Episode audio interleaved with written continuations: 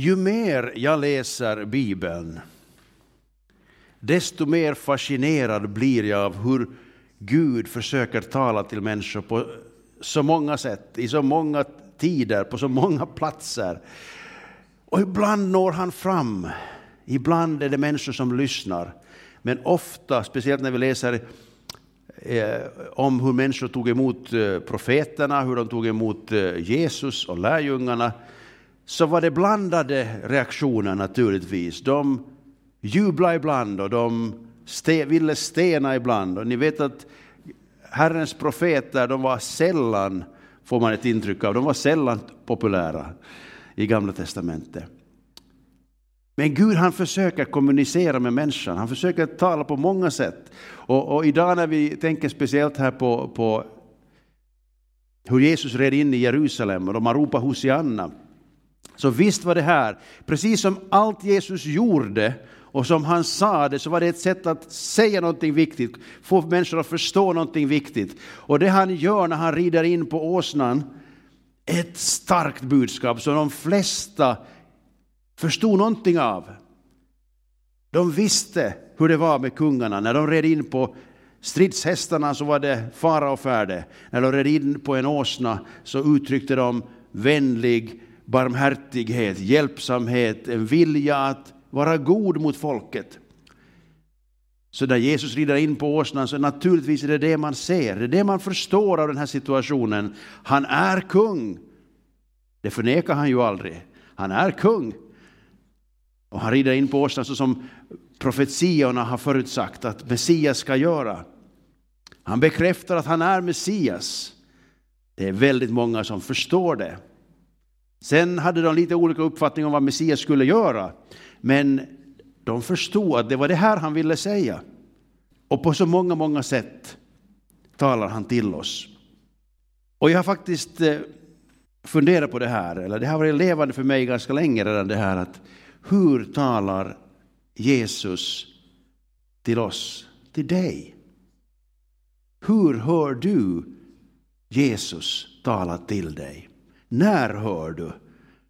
Genom vilken metod, om vi säger så, kommer Gud till dig med sin hälsning? Tänk så mycket bättre det skulle vara i världen om människor skulle höra Jesu röst, eller hur? Gång på gång i Gamla Testamentet så säger Jesus, eller Gud till folket, om ni bara vill höra min röst så ska jag hjälpa er och beskydda er och, och, och välsigna er. Och så får han konstatera, men de lyssnar inte min röst. Gång på gång. Men det här är alltså temat för idag. Känner du igen herdens röst? Vi kommer att förstå sammanhanget alldeles strax. Men först ska vi läsa från Hebreerbrevet 1, de första tre verserna. Det här är, det här är så fantastisk text, man skulle kunna läsa bara det här och leva länge på det. Ursäkta nu att jag är lite överentusiastisk här, men jag tycker faktiskt att det här har den här Hebreerbrevets författare kunnat i några rader skriva in hela härligheten med Gud och skapelsen och Jesus. Vi läser, ni kanske inte ser det här från, från skärmen så jättebra så jag ska läsa det för er. I forna tider talade Gud många gånger och på många sätt till fäderna genom profeterna. Men nu i den sista tiden har han talat till oss genom sin son. Honom har han insatt som arvinge till allt. Och genom honom har han också skapat universum. Sonen är utstrålningen av Guds härlighet och hans väsens avbild och han bär allt med sitt mäktiga ord. Och sedan han fullbordat en rening från synderna sitter han nu på majestätets högra sida i höjden. Hörde ni vad jag läste? Jesus han var med i skapelsen, han var med och skapade allt som finns här. Och genom sitt ord så bär han hela universum och hela alltet. Och en dag så är han arvinge till allting och allting tillfaller honom. Det är en sån Jesus som rider in i Jerusalem. Som lider och dör för vår skull för att vi ska få vara med när han tar emot riket av sin fader och han får förverkliga riket i människors hjärtan och han får ta hem folk till sig där han har berättat plats för alla som tror på honom. Förstår vi hur stor Jesus är? Den här texten öppnar lite perspektivet. Han var då, när ingenting fanns av det här fysiska som vi tänker som skapelsen. Han var med och skapade. Han fortsätter att bära det. Vad det allt innebär vet jag inte, men det, att det fungerar som det fungerar. Att livet finns och fungerar på jorden och sedan all resten av universum. Och en dag så är det allt hans. Det finns de som har gjort uppror mot honom, som strider mot honom. Men en dag kommer alla knän att böjas och säga att Jesus är Herre. Jesus är den som regerar. Jesus är den som har makten. Så stryk under de här texterna. Den här, den här texten är värd att skriva under, stryk, sträcka under tycker jag, för det här är en, den säger någonting om vem Jesus är som vi behöver komma ihåg.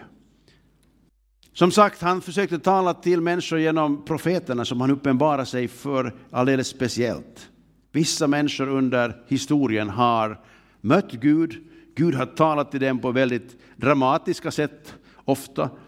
Och, eh, de har sedan gett hälsningen som de har fått att, att bära fram vidare. Och vi ska ta en liten sväng via första Samuelsboken.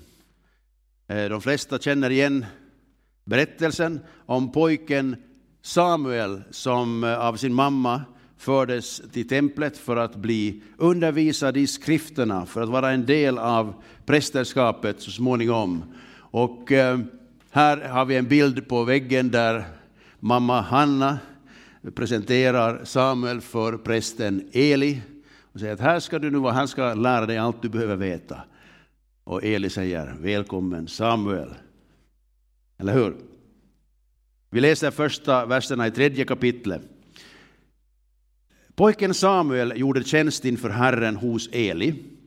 På den tiden var Herrens ord sällsynt och profetsyner var inte vanliga. Då hände en gång detta medan Eli låg på sin plats. Hans ögon hade börjat bli skumma så att han inte kunde se. Guds lampa hade ännu inte slocknat och Samuel låg i Herrens tempel där Guds ark stod. Då kallade Herren på Samuel. Han ropade Samuel, Samuel! Och Samuel svarade, här är jag! Och så springer Samuel till Eli och säger, här är jag, du ropar på mig. Och Eli vaknar upp och säger, nej, jag har inte ropat någonting här på dig, gå och lägg dig. Och så händer ju det här då flera gånger, tills Eli efter tredje uppväckningen så säger jag, nej men det är ju inte jag, och om inte jag och här inte finns någon annan, då måste det vara Herren som talar till dig. Så nästa gång han säger, om han säger ännu en gång, ropa på dig, så ska du säga, tala Herre, din tjänare hör. Och visst ropar Herren en fjärde gång, Samuel, Samuel. Och Samuel som den läraktige gosse han är, han säger precis som Eli hade sagt åt honom att tala Herre, din tjänare hör. Och så berättar Gud någonting väldigt allvarligt för den lille Samuel. vet inte hur gammal han var här i det här sammanhanget, men han förstod att det här var inte något roligt budskap. Och han var jätterädd sen på morgonen, för han visste att han, han liksom, Gud ville att han skulle berätta det här för Eli. Men det var, var dåliga nyheter för Eli. Men Eli var ju ändå väldigt intresserad av att få veta vad har Gud sagt. Så han säger, men berätta nu i alla fall. Och så berättar Samuel att det kommer att gå dåligt för dina söner. Och, och härligheten kommer, jag har lovat att er släkt eller din familj ska få, liksom, få tjäna mig i långa tider, men att eftersom inte de lyssnar på mig och inte följer mig så kommer det här att tas ifrån er. Och Eli han accepterar, så här är det, okej. Okay. Gud gör som han vill förstås. Och sen gick ju Samuel vidare och han, han liksom fortsatte att höra från Herren och han fortsatte att förmedla till folket det han hörde. Så genom Samuel så hörde folket faktiskt vad Gud ville ha sagt. Och under hans tid så, så följde man den undervisningen och den vägledningen och den, liksom, det budskapet. Sen kom det andra tider och andra profeter och andra ledare som, som inte lyssnade på Gud, som Samuel gjorde, och det gick inte lika bra sen längre. Jeremia var ju en profet, och Gud talade med honom.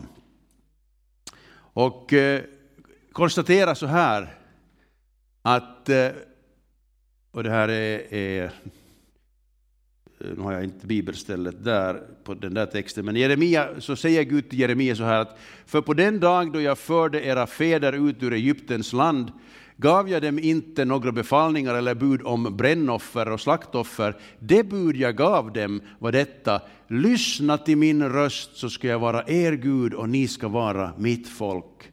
Det var egentligen det enda riktigt viktiga budet, lyssna till min röst. För Gud har inte tänkt att vi ska få några regler och så ska vi göra vårt bästa, sen får vi aldrig höra från honom mera. Utan tanken redan då var ju att Gud skulle ständigt få säga saker och vägleda dem och hjälpa dem och varna dem och uppmuntra dem. Det är ju en fråga om en, en sån här pågående process hela tiden.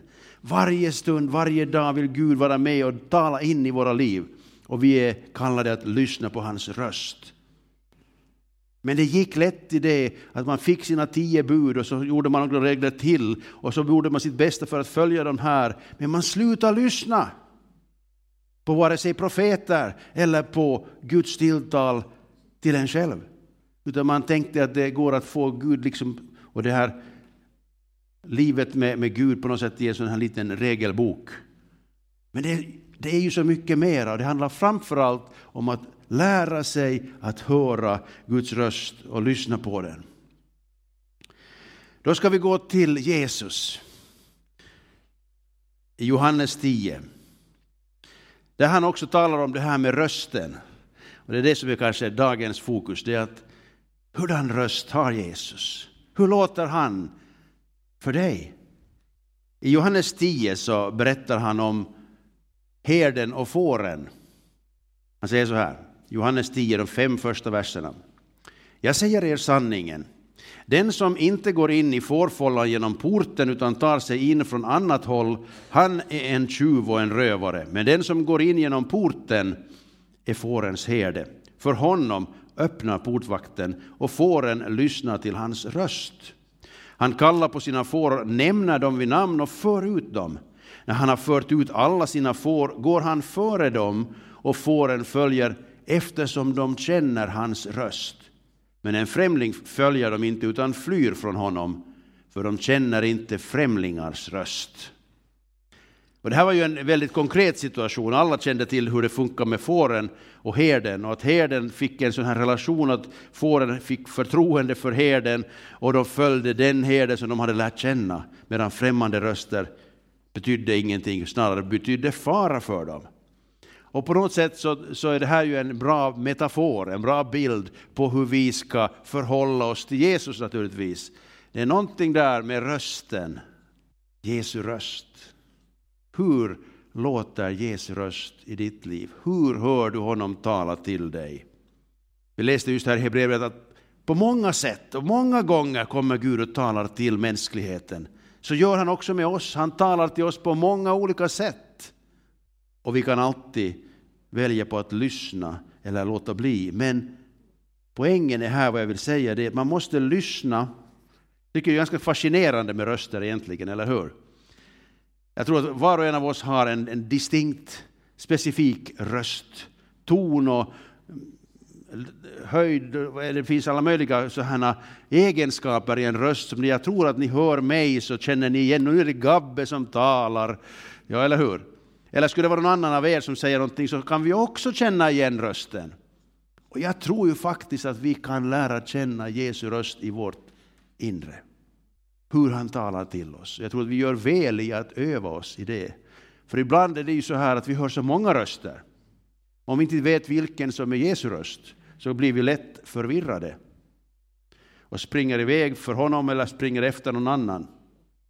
Jesus fortsätter ju den här Herdemetaforen. Han säger så här, Johannes 10, 14-16. Jag är den gode herden. Jag känner mina får och mina får känner mig. Liksom Fadern känner mig och jag känner Fadern. Och jag ger mitt liv för fåren. Jag har också andra får som inte hör till den här follan. Också dem måste jag leda och de kommer att lyssna till min röst.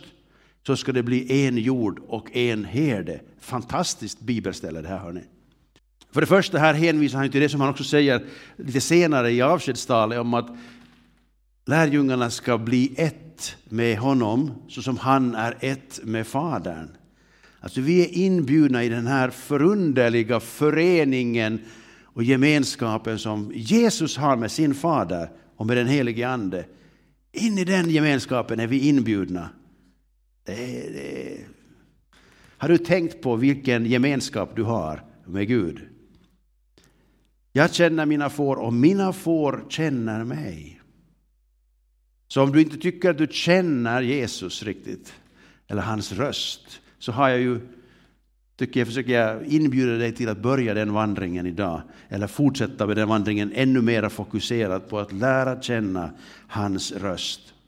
Här talar han ju lite också om det att här var han bland judarna, men han redan här öppnar han upp för att det finns mycket mera människor här på jorden. Det finns de där fårarna som inte hör till den här fårfållan.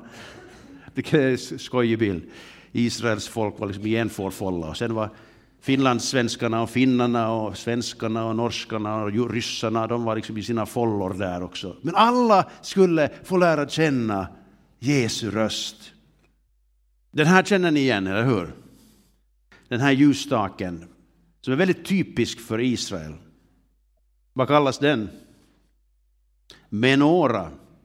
Den eh, åttaarmade ljusstaken med ett hjälpljus i mitten. Och det är ju eh, alltså så jätteroligt här, för det här är faktiskt ett ställe då i Johannes 10, att eh, efter att han berättat om det här med att jag är den gode herden, så skriver de att ja, sen efter det här så då, då kom Hanukka, det vill säga tempelinvigningsfesten. Så Jesus han eh, kände till den här seden som man har, att man tänder de här ljusen, ett ljus per dag under åtta dagar. Det är lite som adventsljusen fast på åtta dagar och med åtta ljus. Och varför firar man det här? Varför firar man Hanukka fortfarande bland judarna över hela världen? Det roliga är ju att den också infaller i december. I år så, så infaller den mellan 22 december och 30 december, så att de firar Hanukka när vi firar jul. Och de tänder ljus i förväntan det har vi också gjort. När vi kommer fram till 22 så har vi fyra ljus som brinner. Hur som helst. Varför firar man det här? Jo, det firar man därför att 165 år tidigare så var det Makabeer-familjen, en präst och hans söner, som blev så upprörda och så ledsna och så trötta på de här invaderande eh, härarna herrarna och kungarna från eh, norr, från Syrien och Grekland, varifrån de kom. Och de hade dessutom upprättat ett altare till Zeus mitt i templet. De hade, de hade helt enkelt eh, förstört hela deras tempel. De var jätteupprörda på det där. Och jag tror att de sedan ännu till och med, för att skymfa judarna extra, så offrade de en gris då i, i det här templet till Zeus och vad det nu var. Så man, blev, man fick nog helt enkelt. Då gjorde man helt enkelt väpnat uppror och, och slog ihjäl en del människor och, och började slåss och hade, hade liksom rena, rena rama krig. Men lyckades då vinna över de här och driva ut de här inkräktarna. Och vad man då gjorde var att man, man rensa och röjde och städa i templet och återinvigde det för det bruk det skulle vara, det vill säga för att kunna tjäna inför Herren, sin egen Gud och inte några främmande gudar. Och den här stora segern man gjorde då, alltså 165 före Kristus, Eh, den firar man nu då i Hanukka fortfarande. Över att en gång så, så vann vi, drev vi ut alla dessa som, som förnedrade oss och som uh, gjorde att vi inte kunde fira gudstjänst i templet. Och det här ville man då uppmärksamma varje år den här tiden Eh, genom att man tänder de här ljusen, en, ett ljus per dag på kvällen vid solnedgången. Det hör inte till de här stora högtiderna som finns omnämnda i Gamla Testamentet, men det är en viktig eh, vad det, högtid för det judiska folket fortfarande. Och det firar man alltså på Jesu tid. Så Jesus är väl bekant, var också väl bekant med det här. Mera som en sån här liten kuriosa, eh, vad heter det, en liten extra tur här nu, kring advent firande så finns det en förebild redan från 165 f.Kr. där man tände ljus för att fira en viktig händelse. Men vi ska fortsätta med att höra på Jesu röst. Vi går till Johannes 14. Och där säger han så här i 23 versen. Jesus svarade, om någon älskar mig håller han fast vid mitt ord. Och min far ska älska honom och vi kommer att komma till honom och ta vår boning hos honom. Den som inte älskar mig håller inte fast vid mina ord. Ordet som ni hör är inte mitt, det kommer från Fadern som har sänt mig. Detta har jag sagt er medan jag ännu är kvar hos er, men Hjälparen, den helige Ande som Fadern ska sända i mitt namn, han ska lära er allt och påminna er om allt som jag har sagt er. Här igen är det en här, här helhetsvers som vi läser här nu. Jesus han talar om ordet som han har undervisat, som han har sagt. Det är jätteviktigt, men han påpekar det är inte mitt ord, utan det är Faderns ord, det är Guds ord. Och så säger han dessutom att ja, men den helige Ande kommer att fortsätta undervisa. Han kommer att ta av mitt, som inte var mitt, och som jag har fått av Fadern. Det vill säga Gud, Fadern, Sonen och den helige Ande, de talar samma språk och samma budskap och samma liksom, ärende har de till oss. Så vi kan säga så här, när vi läser Bibeln, så får vi läsa om hur Gud talar till människor genom historien på många olika sätt. När vi läser om Jesus och hans undervisning, så får vi ju direkt faktiskt del av vad han säger. Och när den helige Ande talar till oss, det är då jag tror att den här rösten hörs. För vi kan läsa Bibeln utan att höra Jesus. Tror jag. Kan läsa Bibeln som en gammal text. Och den är inte så mycket mera då än en gammal text. Av tvivelaktigt ursprung och kan man nu lita på den och är det nu sant och allt det där. Men Man kan också läsa den tillsammans med den helige Ande och börja höra, börja höra Jesu röst. Jag tänker att det här är en av de här centrala budskapen i den här kyrkan. Det är det att du kan få höra Jesu röst genom den helige Andes hjälp. Jesus har sänt den helige Ande för att han ska tala till oss. när vi, han talar till oss så är det Jesu röst vi hör. Och jag tänker så här att må vi vara ivriga att lyssna och lära känna herdens röst. Så vi inte gör som israeliterna gjorde ofta, att de så att säga fokuserar på reglerna och det här vad man ska göra och slutar att lyssna på Gud. Så vi hellre lyssnar mera på Gud och sen hjälper han oss också med livet så att det ryms inom de ramar han har satt för oss. Avslutningsvis ska vi fortsätta på det här herdetemat. Och jag vill bara låta dig läsa psalm 23. En otroligt känd text, eller hur? Som är ju samma tanke som Jesus säger när han, jag är den gode herden. Jag har mina får och mina får lyssnar på mig. David, kung David som skrev den här salmen, han var ju också en herde. Så i den här, den här är ju en rolig eh, psalm på det sättet, den börjar med hans barndoms och ungdomsupplevelse som herde. Han visste precis vad det handlade om, att liksom ta hand om fåren och hur viktigt det var för fåren att ha en bra herde. Och, och liksom, hade fåren en bra herde så var de trygga och fick det de behövde. Och sen ser man här i slutet av, av den här salmen så, så har han flyttat över till till, till att vara människa och inte får, utan till och med vara kung. Men är han ändå så beroende av att herden, Gud, tar hand om honom. Det här är också en, en fascinerande text på det sättet att man kan faktiskt läsa in hela frälsningsvägen i den här korta sexversiga eh, salmen. Vi börjar med en rad här. Kom ihåg, Jesus säger, jag är den gode herden. Den som säger att Jesus är Herren, han ska bli frälst. Så när vi läser Herren är min herde, mig skall intet fattas. Vem är det vi pratar om? Jesus. Jesus är min herde, mig skall intet fattas. Och jag tror att det här är en speciell upplevelse för alla som har kommit till Jesus, som har bestämt sig, jag tänker tro på Jesus, jag tänker följa Jesus. Och jag har bett om mina synders förlåtelse, jag har blivit född på nytt, jag har blivit ett Guds barn. Jesus är nu min herde. Och eftersom Jesus som är min herde också är den som bär hela universum och äger, ägare till allting, så behöver jag egentligen inte vara så där jätteorolig. Kommer ni ihåg vad Jesus säger? Kommer ni ihåg? Låt inte era hjärtan vara oroliga. Tro på mig. Jag är din herde. Dig skall intet, inget fattas.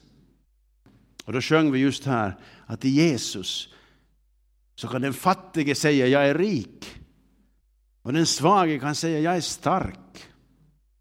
Jesus han liksom kommer in och förändrar det som i mänskliga ögon ser svagt ut, när han fyller det med sin närvaro så blir det någonting helt annat.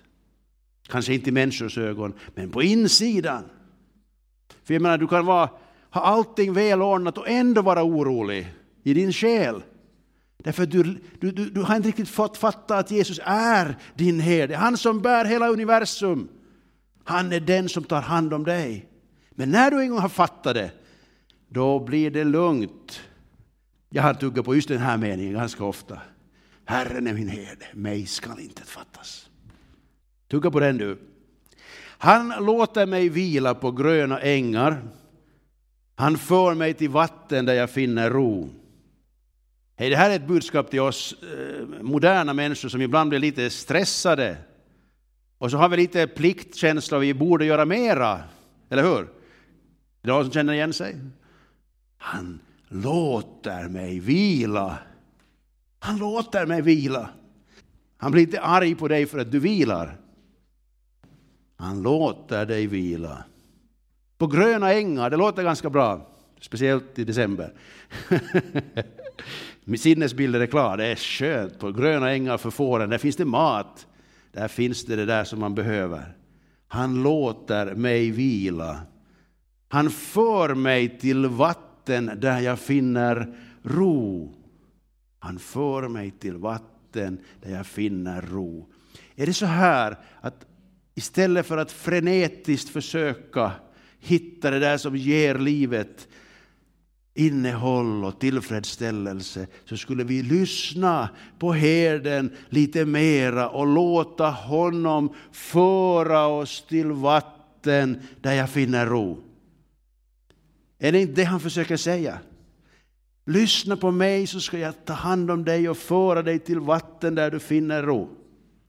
Det finns så många liksom, kopplingar med det här vattnet, eller hur? Vattnet, det levande vattnet, det är Guds ord. Vattenströmmarna med levande vatten som ska komma upp inifrån, det är den helige Ande. Det finns många sådana eh, metaforer och symboler i den här språkbilden som är bra att ta till sig. Man kan till och med dra en koppling till att om du lyssnar på herden, när du kommer till tro på honom, så för han dig till vatten där du finner ro. Det finns ett vatten i den kristnes resa som är väldigt viktigt, och det är dopet. När vi har kommit till tro på honom och börjat lyssna på honom och han för oss vidare på vägen så för han oss också till en punkt där vi får bekänna oss till hans död. Vi får lämna det gamla och vi får stiga in i hans nya liv tillsammans med honom. Då får vi ro, för då behöver vi inte hålla på och gräma oss längre för allt det där gamla, vad det än var. Utan vi får tillsammans med honom öppna upp dörren till ett helt nytt liv där han, universums bärare, är min herde. Jag skulle nästan vilja, får jag ett halleluja? det behöver det inte, men i alla fall, det liksom på något sätt är det, det finns liksom lite, det lite, lite börjar bubbla inom en. Tänk om han som har hela världen i sin hand är min herde och han för mig om jag lyssnar på honom, om jag lär känna hans röst. Okej, okay, vi ska komma till slut här. Han ger liv åt min själ. Han leder mig på rätta vägar för sitt namns skull. Han ger liv åt min själ. Alltså, det finns någonting fantastiskt i att vara en Jesu lärjunge. Att det finns en koppling till livets källa, till kraft och glädje och kärlek, försoning. Det finns någonting eh, som en oändlig eh, källa av någonting gott som kan flöda in i vårt liv. Som vi inte kan åstadkomma, som inte vi liksom kan prestera och som vi inte får av andra människor. Men Gud vill liksom ge liv åt oss. Och jag tänker ibland när vi tappar sugen och blir trötta så behöver vi vila naturligtvis. Men vi behöver nog också det här att han ger liv åt oss. Vem är det som är livets källa i våra liv? Jo, det är den helige Ande. Utan den helige Ande så har vi inget andligt liv. Du kan inte vara levande andligt sett på egen hand. Det måste kopplas ihop med den helige Ande som är det eviga livet för oss. Och det gör han när han kommer till oss. Han vill komma. Han knackar på dörren och säger, får jag komma in och ge dig liv? Och han leder mig på rätta vägar. Tänk, tänk hur aktiv han är som herde. Om vi ska tro det här ordet, och varför skulle vi inte det? Han leder mig på rättfärdighetens väg. Det är det som jag försökte göra genom att, att vara en god människa. Vilket inte alls är fel, men som så att säga är lite fel spår ändå på det sättet att han vill ha initiativ. Han vill leda mig dagligen så att jag kan förstå vad som är rätt. Så jag vill göra det som är rätt och att jag fortsätter att låta honom leda mig. Även om jag vandrar i dödsskuggans dal fruktar jag inget ont för du är med mig. Din käpp och stav, de tröstar mig. Jag hade ju, som barn, man, har ju, man uppfattar ju saker och ting som barn på olika vis. Men länge så tänkte jag, ja, det käpp och stav, det låter inte så kul det där. Och hur kan de trösta mig om man kommer med keppin? Eh, jag förstod inte logiken riktigt där. Men kanske det också finns en sån här, sån här dimension i det hela. Vad används käppen till? Används den för att slå fårorna? Det finns säkert herdar som använder den på det sättet också, men egentligen så är det ju herden som använder den för att försvara fårorna mot vargarna och björnarna och lejonen och allt vad de nu hittar på där i, i den tiden. Alltså det, liksom den här, den här liksom vilda djur som vill komma och riva fåren, det är de som ska slås med käppen. Eller hur? Och staven, vad är den till för? För att stödja herden när han håller på och kämpar och vandrar och leder fåren. Och nu är det ju så här att vi faktiskt inte, vi inte alltid bara är får, utan vi är också lite, lite herdar för varandra, eller hur? så vi behöver också käpp och stav. Kan det vara så att man kan tolka den här texten så att jag får låna hans käpp och stav, eller han har många sådana. Så vi får använda samma auktoritet, samma kraft som han använder, Jesus, när han fördriver det onda ur vårt liv. Så får vi också ta, ta i bruk. Och det finns ju faktiskt en en lång text om det här i Efesierbrevet, eller hur? I Efesierbrevet 6 så står det om att ta på er hela Guds vapenrustning. Det var inte käpp och stav, utan det var det rättfärdighetens pansar och frälsningens hjälm och andens svärd. Ännu bättre än, än käppen, eller hur? Och så vidare. Så att det finns någonting av det här att han vill också inte bara tala till, utan han vill också utrusta oss med sin utrustning. Bara vi håller oss till honom så börjar han ge oss det här. Din käpp och stav, de tröstar mig. Förstår det att jag har en tillgång till en kraft och en makt och en närvaro som är starkare än jag själv. Det ger hopp och tro. Och du dukar för mig ett bord i mina ovänners åsyn. Livet är ju inte alltid lätt, eller hur? Inte för en kristen och inte för någon. Den här världen är full av svårigheter och saker som händer. Och det finns onda människor eller onda handlingar hos människor som gör att människor lider. Och vi får känna av det här, att världen är under förgängelsen så att säga. Synden finns här som en destruktiv makt. Och människor är förvirrade och förvillade och sårade och slagna och försöker navigera i allt det här. Men herden hade David lärt sig att när jag lyssnar på honom så gör han saker som ju inte liksom jag själv skulle fixa. Att mitt i allt där jag är omgiven av fiender, där får jag slå mig ner vid ett dukat bord. Och man kan tänka sig det här förverkligas på väldigt många olika sätt, men jag tänker väl ändå lite det här att det är också en del av församlingens uppdrag att duka bordet. Vad vi än har i vårt liv när vi går ut från dörren här i vardagen, i, i livet, i familjen, på jobbet och så vidare, i kroppen, så finns det ändå en, en stund i veckan när vi får sätta oss ner vid ett dukat bord och ta emot oss. Det här sker också när vi sitter tillsammans med Bibeln och den helige Ande. Då tror jag han vill duka det här bordet för oss. Eh, den här eh, versen, det här är inte alla, jag hade lite problem med den tekniken, att jag fick inte alla verser, verser med här, men jag måste ta fram Bibeln helt enkelt och läsa vidare där. Så vi ska ta den till slut nämligen innan vi avslutar idag. Du smörjer mitt huvud med olja och låter min bägare flöda över, fortsätter ju den här salmen. Du smörjer mitt huvud med olja och låter min bägare flöda över. Det här är ju också en sån här bild som finns på många ställen i Bibeln. Jesus var smord med glädjens olja mer än sina bröder, kommer ni ihåg det? Och Jesus var smord till kung och så vidare. Och jag tänker att det här är någonting som också vi får uppleva när vi ber för varandra, när vi är liksom eh, generösa mot varandra och vill hjälpa varandra, låta också Guds helande komma in i vårt liv och framförallt mycket glädje. Sista raderna här då. Idel godhet och nåd ska följa mig i alla mina livsdagar och jag ska bo i Herrens hus evinnerligen. Här öppnar ju David upp perspektivet när man vandrar med herden, man lyssnar på, till herden och man får hans hjälp in i vardagen. Då ska godhet och nåd följa mig. Vad skulle du säga om ditt liv så här långt? Hur, hur liksom tippar det över? Ondska och fördömelse i ena vågskålen. Godhet och nåd i den andra. Jag tror ju att vi kan få uppleva Guds godhet och nåd hela tiden. Återkommande. Det blir påfyllning där. Och att det här med att vandra med herden är någonting som gäller hela livet. Jag börjar vandra med honom och sedan fortsätter jag och lär känna honom bättre och bättre under hela livet. Och så slutar det inte ens där, utan sen slutar det med evinnerligen.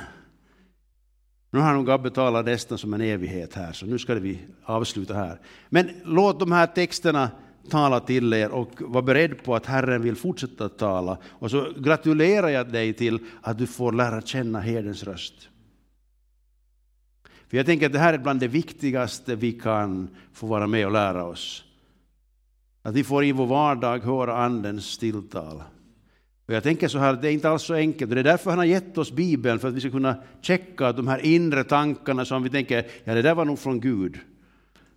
Är det från Gud? Checka med Bibeln och checka med församlingen. Det blir ändå en viktig, det går väldigt lätt fel om vi, om vi börjar önsketänkande tolka våra inre röster som att allt är Gud som talar. Det tror jag inte. Men ibland talar han så att vi får en gudomlig tanke. Han inspirerar våra tankar. Och, och uppdraget som du får nu under veckan, det är det att du ber Gud om hjälp att lyssna in just de här som är hans tankar. Och att du får förmågan att skilja mellan det som är dina tankar eller andra människors tankar och vad som är Guds tankar. Och för att för att man ska kunna bli bra på det så måste man läsa Bibeln mycket, för det är det som på något vis bekräftar om jag är på rätt spår. Har jag uppfattat rätt? Har jag förstått rätt? Och ju mer vi lär oss det här, desto bättre blir vi också ledda till vatten där vi finner ro. Eller hur? Så jag, jag tänker att det här vill jag gärna uppmuntra dig till att göra. Be Gud om hjälp att kan jag få höra dig på också det här inre viset? Jag tror på dig, jag tror att den helige Ande bor i mig och jag tror att den helige Ande kan tala till mig inifrån via mina tankar. Men hjälp mig att jag inte missförstår mina, de här tankarna och tror att det som är, är från mig själv, att det är från dig. Att vi ska få en riktig förmåga att känna igen herdens röst i vårt inre. Som talar i samma linje som Bibeln. Jesus han var noga med att poängtera det, att jag talar det som är i linje med Faderns och den helige Ande kommer att tala i linje med det som jag har sagt. Vi behöver checka de här vittnesbörderna, inte bara tro att våra tankar alltid är så fantastiska, för det är de inte. Surprise, surprise. Men Guds tankar är fantastiska och låt oss öppna oss för Guds tankar. Nu ska vi be. Tack Jesus för att du är den gode herden. Och tack för att du är vår herde. Tack för att vi idag får säga, jag vill följa dig Jesus. Jag vill lyssna på din röst och lära känna din röst och jag vill bli bättre på att lyssna in vad du säger åt mig. Hjälp mig helige Ande, hjälp oss helige Ande att höra din röst tydligare i vårt sinne, i vårt hjärta, när vi läser Bibeln, när vi är på gudstjänst. Herre, hjälp oss att bli känsliga för ditt tilltal mer och mer. Herre, så att vi inte blandar ihop det vi själva tänker med det du har sagt, det du vill säga till oss. Så att vi börjar bli duktigare och duktigare på att höra dig, att känna igen din röst. Herre, om det är möjligt, att vi faktiskt blir så bra att lyssna på dig att när du talar så känner vi igen din röst. Så känner vi igen din röst på tonläget, på innehållet och på, på budskapet, Herre. Tack helige Ande för du är vår hjälpare, du är vår lärare, du är vår försvarare och du är vår, vår tröstare. Och nu ber jag att du ska fortsätta ditt verk i våra liv, Herre, så att vi förstår att Jesus som har skapat allt, som är bärare av allt och som kommer att vara ägare till allt, han är också vår herde som har omsorg om oss, som har omsorg om oss. Amen.